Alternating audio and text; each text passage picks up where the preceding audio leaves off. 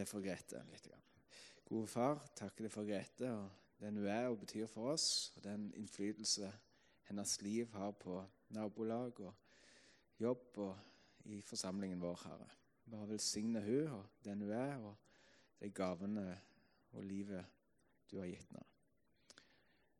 Bare la henne få bli fylt med din fred og få bære fram det budskapet du har gitt henne, til ære for deg. I Jesu navn. Amen. Ikke forstyrr er temaet.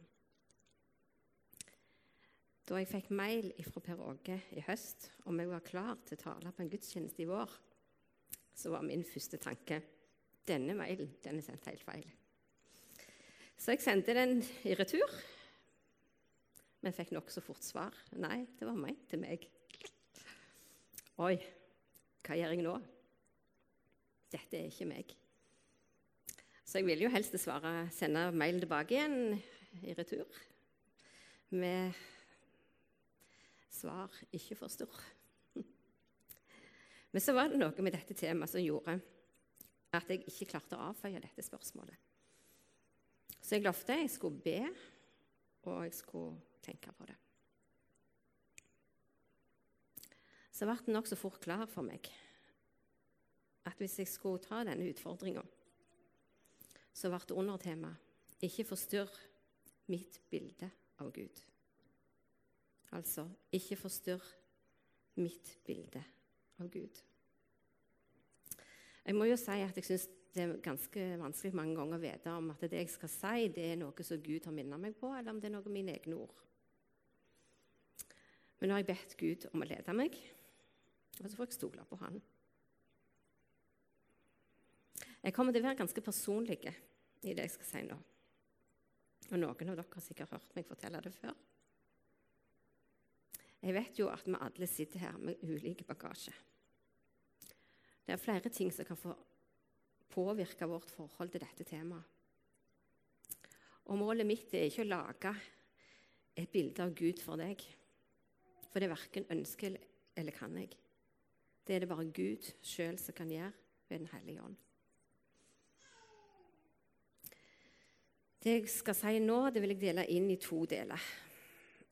Slik som vårens tema er delt inn i to deler, eh, med dobbel betydning på 'ikke forstørr'. Den første delen vil jeg si er 'ikke forstyrr mitt bilde av Gud' om min relasjon til Gud. Så før jeg går over på andre delen, så vil Elise synge en sang som på en måte peker litt på det jeg har sagt. Og så den andre delen det er 'ikke forstyrr mitt bilde av Gud' i møte med min neste. Jeg vil starte med tre spørsmål, så jeg håpte du kunne reflektere litt over for din egen del. 1. Hva er ditt bilde av Gud? Hva er ditt bilde av Gud? 2. Hva har påvirka deg til å danne dette bildet av Gud? Og tre, skulle du ønske at dette bildet av Gud skulle endres? Nå vil jeg du skal merke her at Gud er Gud. Han forandrer seg ikke. Men vårt bilde av han, det kan forandre seg. Både på godt og på vondt. Eh, nå skal det komme opp en bibeltekst fra i Jesaja 40, vers 18 så spør Gud gjennom profeten Jesaja eh, Hvem vil dere la ligne Gud med? Hva for et bilde vil dere sette ved siden av ham? Eh, se for deg hvis vi hadde gått ut og spurt disse tre spørsmålene rundt i befolkningen. Eh, på gata eller på jobb eller der du møter folk. Eller her i forsamling, for den saks skyld så tror jeg vi ville fått tre ulike svar. For vi bærer jo alle med oss en bagasje. Det er så mange ting som påvirker vår relasjon til Gud og vårt bilde av Han. Det kan være ensomhet, det kan være sorg, det kan være brutte relasjoner, sykdom, sinne, bitterhet osv. Lista den kan være ganske lang og komplisert. Mange forteller at de tror på Gud. Men de tror ikke at det er to utganger på dette livet. For som de sier og tenker, hvis Gud fins, så er han kjærlig, og så slipper han alle inn i himmelen til slutt.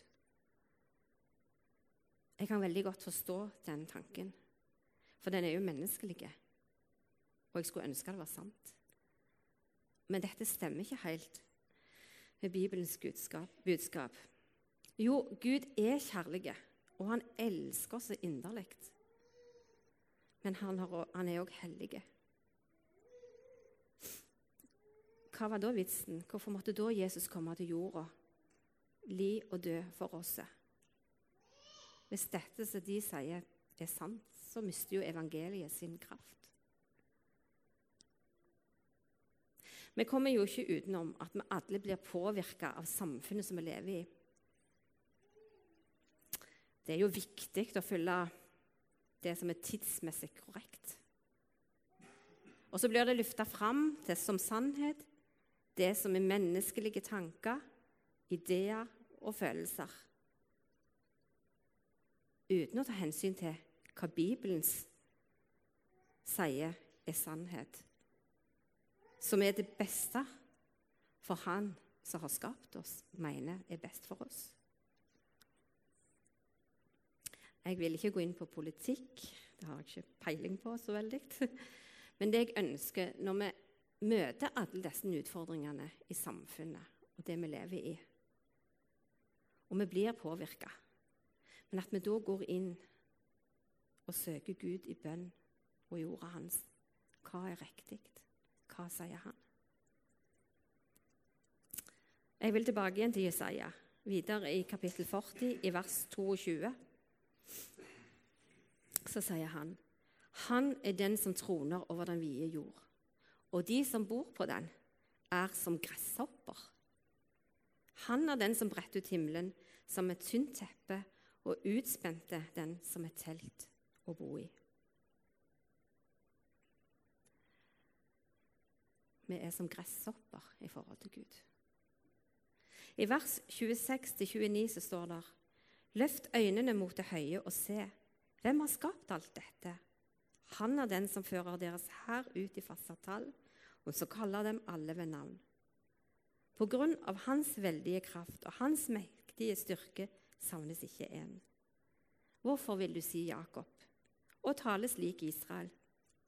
Min vei er skjult for Herren, og min Gud bryr seg ikke om min rett. Vet du det ikke, eller har du ikke hørt det? Herren er den evige Gud, som skapte jordens ender. Han blir ikke trett. Han blir ikke utmattet. Hans forstand er uransakelig. Han gir den trette kraft, og den som ingen krefter har, gir han stor styrke. Gud ønsker ikke bare å ha en relasjon eh, Gud ønsker ikke bare at vi skal ha et bilde av ham. Han ønsker å ha en relasjon til oss, et hjerteforhold til oss. Det fins i Bibelen mange ord som vil forklare hvem Gud vil, hva Gud vil være for oss, hvem Jesus vil være for oss. Han vil være frelser, han vil være redningsmann, hyrde, far, bror, rådgiver osv. Det står mange betegnelser på Gud. I teksten fra Jesaja som vi leste, sto det min, vei er skjult for Herren, og min Gud bryr seg ikke om min rett. For det om du er en kristen og vil følge Jesus, så kan det til tider føles som han er langt vekke. Og hans bilde kan føles skjult, og det kan føles knust. Jeg vil nå være personlig og fortelle litt når jeg følte at mitt bilde av Gud ble knust med et smell. Flere av dere har hørt denne, dette jeg har fortalt det før, men jeg tror Gud har minnet meg på å fortelle det igjen i dag. Det er en sang som vi sang når jeg var unge. Blir gjerne ikke sunget så mye i dag. Den lyder så fint. Du omgir meg på alle sider. Det er lett å synge med på denne sangen når livet går med, når det er greit. Men når livet ikke er så lett, og du føler at Gud er langt, langt vekke, da er det ikke så lett. Et bilde. Jeg så for meg et bilde, mitt liv. Eh, det var ei stor glassboble. Ser for deg ei julekule som sover. Denne kula den er gjennomsiktig, klart glass. Inni den kula der lever jeg mitt liv. Gud han er det glasset rundt meg som beskytter meg. Inni denne kula der har jeg det ganske godt. Ja, det er utsikt ut av kula gjennom det klare glasset. Jeg kan se at det er vondt i verden rundt meg. Og det kunne jo være oppturer og nedturer inni min glasskule òg. Men jeg hadde det trygt og godt, for Gud han omga meg jo. Slik, slik, hadde jeg det ganske, og levde ganske sånn ubevisst helt til for ni år siden. Året 2011 ble det verste året i mitt liv så langt.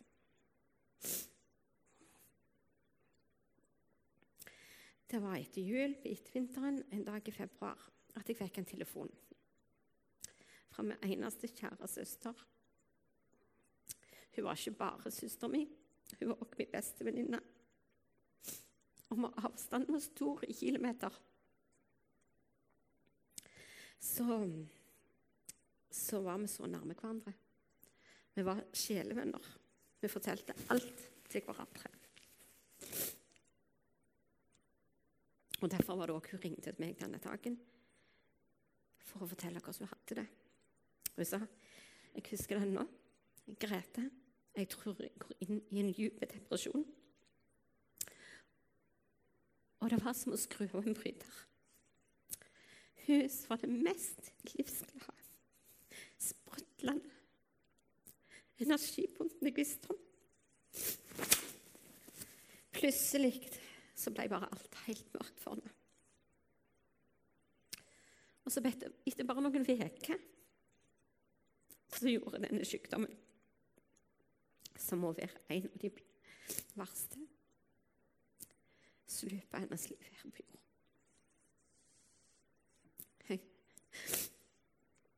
Glasskula mi, den falt i knas. Mitt bilde av Gud ble knust. Hvor kunne Gud være oppi dette? Han som skulle beskytte sine barn.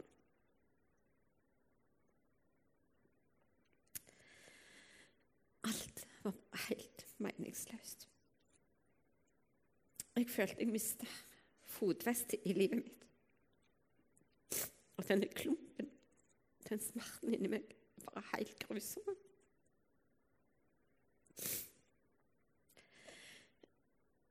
I denne sorgen så leste jeg en del.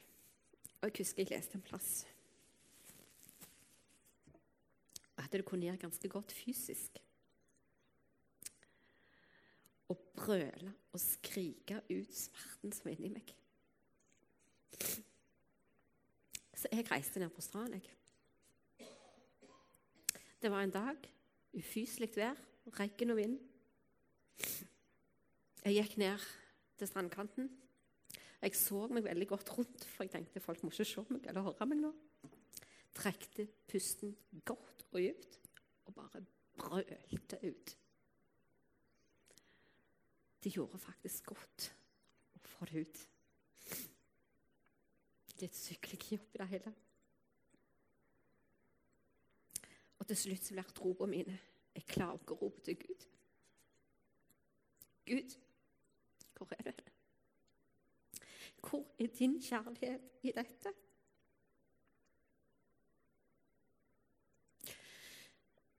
Gud tåler, og Gud ønsker vi skal komme til Han med vår klage og smerte. Jeg sto der med et knust bilde av Gud. Hva gjør jeg nå? Jeg vet det var mange som ba for meg og min familie. Og det er jeg veldig glad for og takknemlig for. Jeg tror jeg kan huske jeg ba noe sånn så, til Gud. Noe sånn oppi dette. Gud, her er alle de knuste bedrene.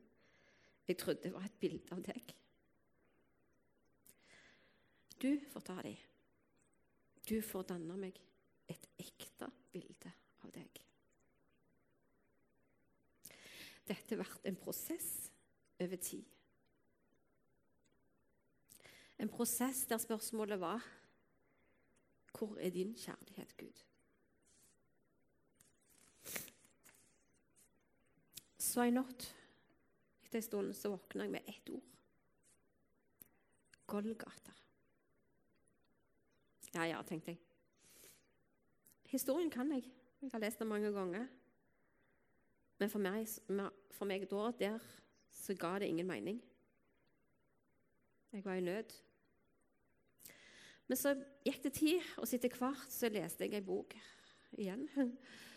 Om, I den boka sto det om hva det kosta Jesus for å frelse meg for himmelen. Og sakte, men sikkert så gikk det opp for meg. Guds kjærlighet, den ligger i Golgata. Guds største kjærlighetsbevis for, til meg var at han redda meg fra himmelen.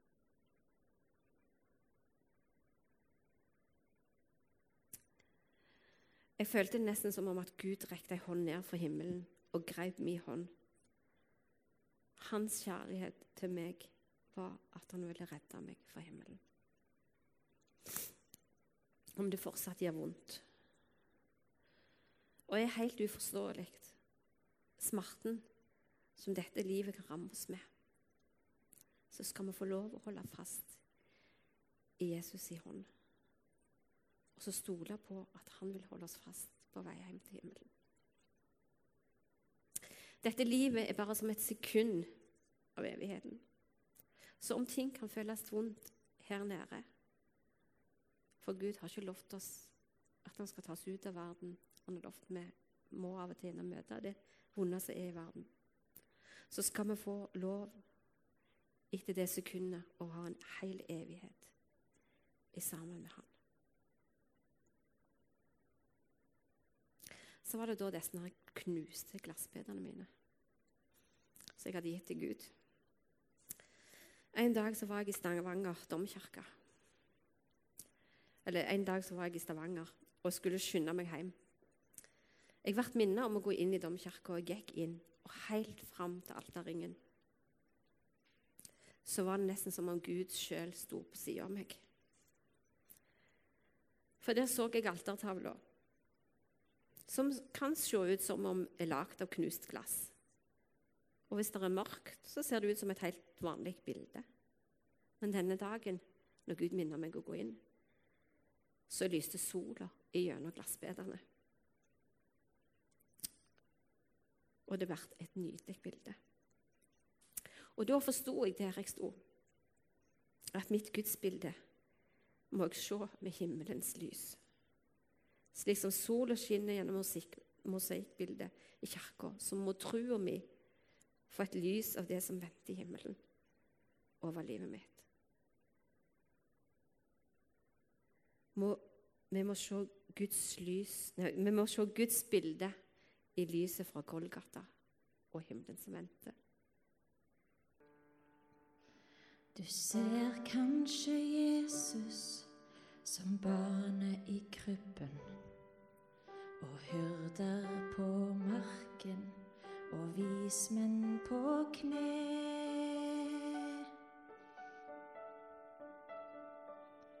Med stjerner som stråler og engler som synger. Gir stemningsfull glede og budskap om fred. Men har du sett Jesus som lider på korset, som soner for din skyld, som lindrer din nød? Og har du sett Jesus som står opp av graven? gir håp om et nytt liv og seier over død.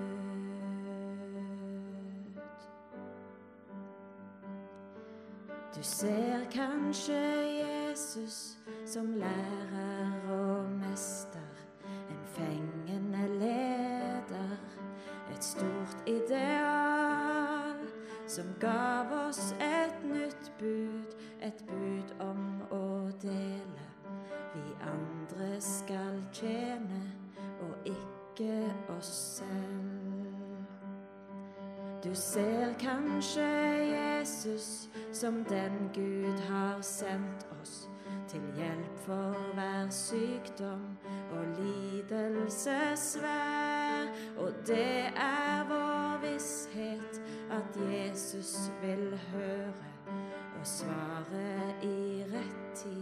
på bønner vi ber.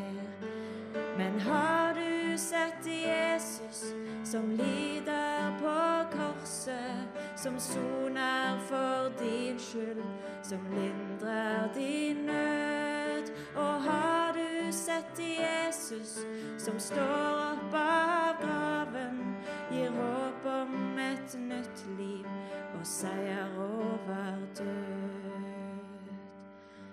Har du sett Jesus som lider på korset, som soner for din skyld, som lindrer din nød? Og har du sett Jesus som står opp av graven,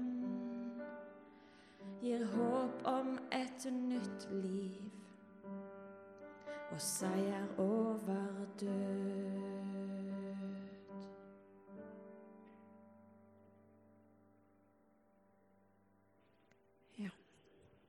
Tusen takk skal du ha. Da vil jeg ta andre del, som var å forstyrre ikke, eh, forstyrr, ikke forstyrr mitt bilde av Gud i møte med min neste. Jeg vil starte med et minne fra når ungene var små, og det var jul. Vi var på besøk. Der kom vi over ei bok en, som gjerne forbinder med en julefortelling, av Leo Tolstoy. Jeg leste for en av guttene våre som var ca. fire år på den tida, om denne fortellingen om skomakeren som ønska så å få besøk av Gud. Og han følte på en måte han fikk en lovnad på det òg. Men, et, men etter en dag når han hadde hjulpet mange i nød, så får han beskjed fra Gud.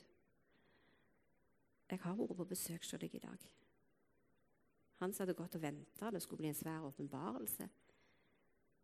Hvor var Gud? Jo, det du gjorde med en av mine minste, det gjorde du mot meg. Vi kjenner fortellingen. Jeg leser denne fortellingen for fireåringen og lurer på om han forstår noe av budskapet. Så jeg spør han, forsto du det jeg leste nå? Jo, jo, det gjorde han. Men han lurte på en ting. Hvorfor mista mannen øynene? Jeg forsto ingenting. Dette hadde jo ikke jeg lest for han. Jeg prøvde å forklare. Nei, det sto ikke noe om det. Jo, han var ganske påståelig. Hvorfor mista eh, mannen øynene? Jeg måtte tilbake i boka, på siste sida, for å se. Og da sto det sånn, cirka sånn på den sida der. Da skomakeren satte seg ned med Bibelen om kvelden, falt øynene ned på et vers i Bibelen. Så gutten vår han så det for seg bokstavelen. Øynene som trilla ut av hodet og ned på Bibelen. Jeg kan godt forstå han lurte. Hvordan er det med deg, og hvordan er det med meg? Har vi mista øynene våre? Ser vi Gud når vi ser våre neste? Vårt medmenneske i hverdagen? De som vi møter på vår vei. Om det så er nabolag eller på jobb eller på butikken. Eller så tenker vi Ikke forstyrr Gud i min hverdag.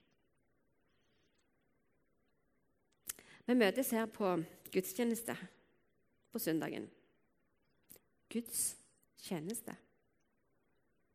Så tenker vi her ble vi tjent av Gud, og her tjener vi Gud.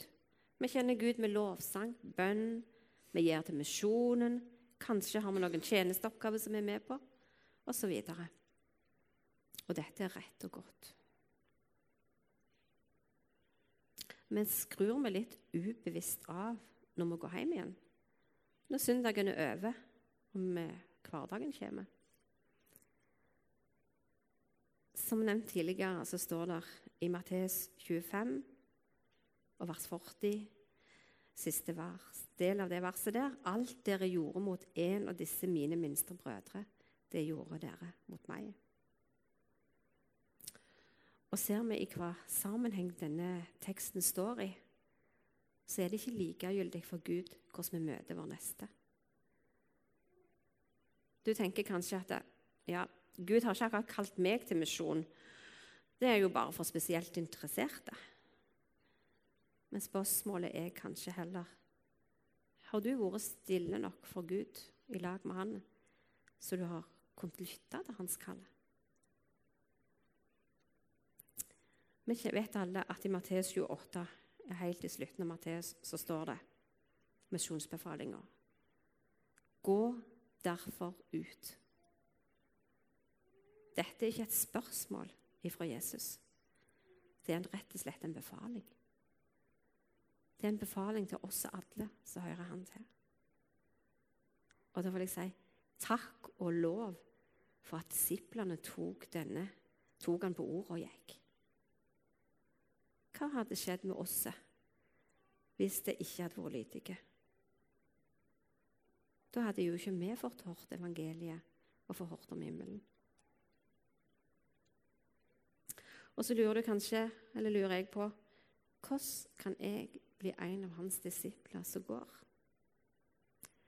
Som går sånn at andre kan få del i dette fantastiske budskapet. Og da jeg jobba med denne teksten og denne her, dagen her, så ble det klart for meg helt, at det helt avgjørende er bønn og Den hellige ånd. Så tenker du kanskje ja, fin arbeidsbedeling. Jeg kan be, og så kan Den hellige ånd gjøre jobben.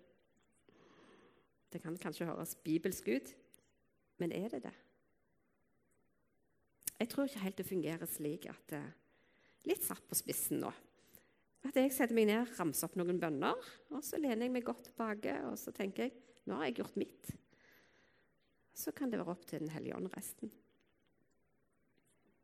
Ja, vi skal få lov å bruke bønn, og vi skal få lov å stole på Den hellige ånds gjerning. Men jeg tror at Jesus ønsker å bruke oss at Den hellige ånd skal få virke gjennom, gjennom oss og i oss. Men dette kan bare skje gjennom bønn, at vi først får være alene med Gud i Hans ord og i bønn. Nå vil jeg fortelle tre, fortellinger fra virkeligheten der Den hellige ånd fikk virke gjennom mennesker der mennesker fikk bli brukt av Den hellige ånd. Den første er henta fra ei bok som jeg virkelig vil anbefale. Og Den heter 'Guds galskap' av Nick Ripken. Den er Nick, som sjøl har en veldig sterk historie, fikk et kall til å reise rundt og møte de forfulgte kristne. Intervjue dem og oppmuntre dem. en gang når han var på disse reisene De varte jo over flere år. Og han hadde ei fastsatt rute. Så følte han seg litt forstyrra. For han fikk en mail ifra en venn av en venn. Ikke hans venn, men en venn som hadde en venn som kjente han da. En lege, europeisk lege. Om ikke Nick kunne komme til byen der han hadde sitt virke Nick svarte at han var veldig opptatt Men kanskje om et års tid så kunne han få legge det inn i reiseruta si. Men i løpet av noen uker så fikk han flere mail om at han måtte komme nå. Nick ble ganske irritert og svarte at han måtte nok bare vente. Men så var det det at det skjedde noe. Denne planlagte reiseruta til Nick den ble forstyrra. Enten at de som han skulle møte, ble fengsla, og det ble altfor utrygt å komme. Han kunne risikere sjøl å havne i fengsel. Og de neste på besøkslista hans de havna på sykehus eller ble syke. Så Nick forsto etter hvert at her hadde Gud andre planer. Så han måtte ringe denne her europeiske legen som han hadde, hatt, hadde kontakt med på mail. Og så satte han seg på et fly um, for å møte han i en grenseby i Sentral-Asia. Og da han gikk ut av flyet, det var på en liten flyplass, ser han den hvite legen stå ved siden av fem menn som var kledde i tradisjonelle muslimske klær. Nick hilser på legen, og så spør han hvem er disse mennene? Dessene, hvem er disse vennene som du har med deg? Da ser legen både overraska og redd ut og sier lågt, 'Kjenner ikke du dem?' De sa de skulle møte deg her. Nå tror jeg vi har et problem. Bare, legen bare gir Nick telefonnummeret sitt, og så forsvinner han. Og her står Nick alene igjen, ikke høy i hatten og veldig redd. Hans eneste tanke var å få komme seg inn på flyplassen og finne første fly tilbake igjen. Men på vei inn på flyplassen så gir ikke disse mennene fred. De tar tak i han og rister han litt. Og, og til slutt så sier de på dårlig engelsk Stans, sir.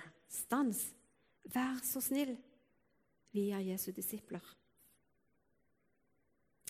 Det ender med at han blir med disse mennene, og han får høre deres historie. Sterke historier.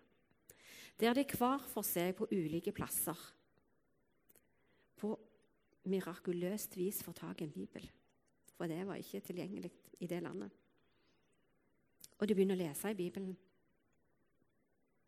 De leser den opptil flere ganger. Og slik så kommer de til å tro på Jesus. Men resultatet blir at de blir utstøtt av sin familie. De blir forfulgt, og de må flykte. Og de kommer så til denne grensebyen i nabolandet. Her finner de hverandre, og de begynner å møtes om natta for å støtte, oppmuntre og be i lag. Etter hvert så begynner de å be ei spesiell bønn. Den lyder slå, sånn som dette. Kjære Gud, vi vet ikke hvordan det er vi skal gjøre dette. Vi vokste opp som muslimer. Vi vet hvordan vi skal være muslimer i et muslimsk samfunn. Vi vet til og med hvordan vi skal være kommunister i et muslimsk samfunn. Men vi vet ikke hvordan vi skal følge Jesus i et muslimsk samfunn. Vær så snill og send noen til oss, Herre. Send noen som kan mye om forfølgelse, noen som vet hva andre troende gjør, noen som kan oppmuntre og undervise oss.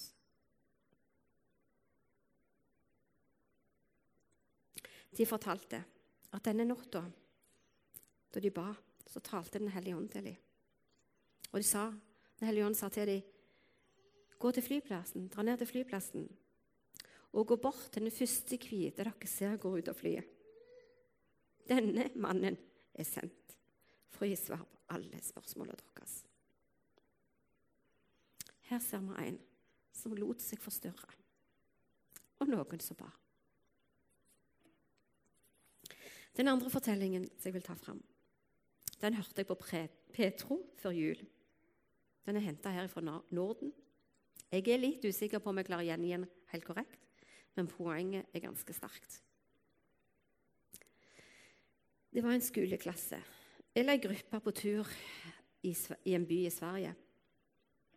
Og kom, Da de kom til torget by, i byen, så var det en av guttene i denne gruppa. En gutt som var litt annerledes. En gutt med Downs syndrom. Han satte i å synge for full hals en kristen sang. Det som var litt spesielt, var at på dette torget Denne dagen på dette torget så var det ei dame. Hun var fortvilt, og alt var mørkt. Dagen før så hadde hun bedt til Gud.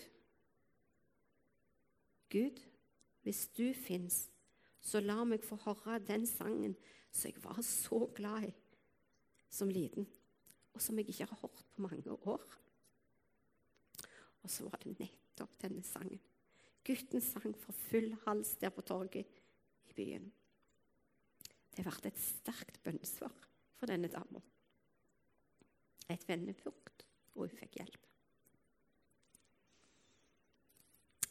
Denne gutten fikk bli brukt. Jeg tror verken meg eller deg hadde tort å stille oss opp på torget slik denne gutten gjorde. Og om det så var en engel som ba oss om å gjøre det.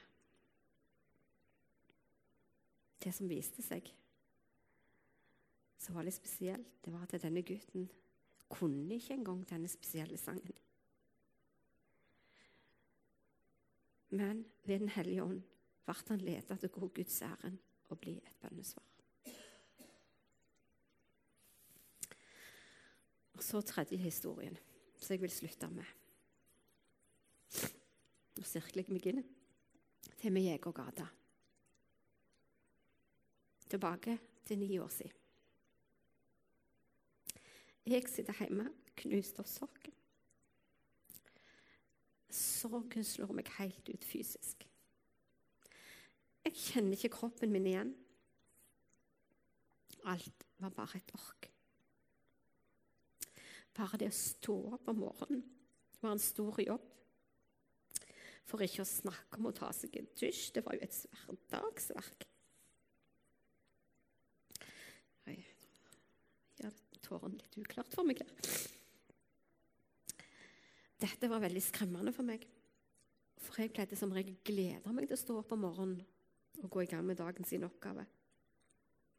Så var det ikke akkurat så nok med at jeg hadde en kjempestor sorg og alle tankene som fulgte med, så skulle jeg allikevel i tillegg få en kropp som ikke fungerte. Jeg var rett og slett redd.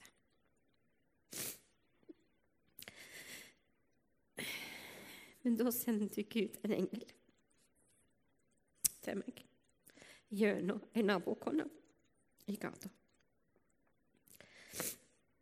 Ei som jeg ikke kjente så veldig godt. Hun kom innom på besøk til meg. Hun hadde visst med seg blomster. Men det husker jeg ikke så veldig godt. Men det hun kom, det husker jeg ikke. Hun kom, minnet av Gud. Lytta, trøsta og fortelle meg at denne kroppslige reaksjonen min, den som skremte meg sånn, var ikke unormalt oppi alt det som jeg gikk gjennom. Det ville bli bedre, trøsta meg med men det kunne ta tid.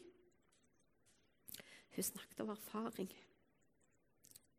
Hun hadde sjøl møtt kriser i livet som slo ut på samme måten fysisk.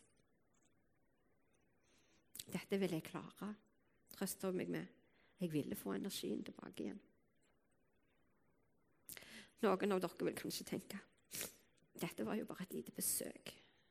Men for meg så betydde det så mye. Der jeg så det, der og da. At hun var villig til å bli forstyrra av Gud. At Gud minner henne på å gå på besøk til ei som var i sorg.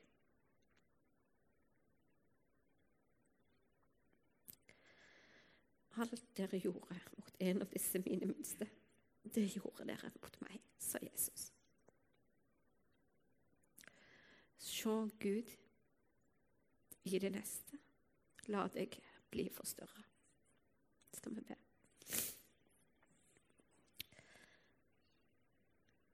Gjør meg villig, varm og våken. Kjære Jesus, led meg frem. Gjør meg til et lys i tåken. som kan lede andre hjem.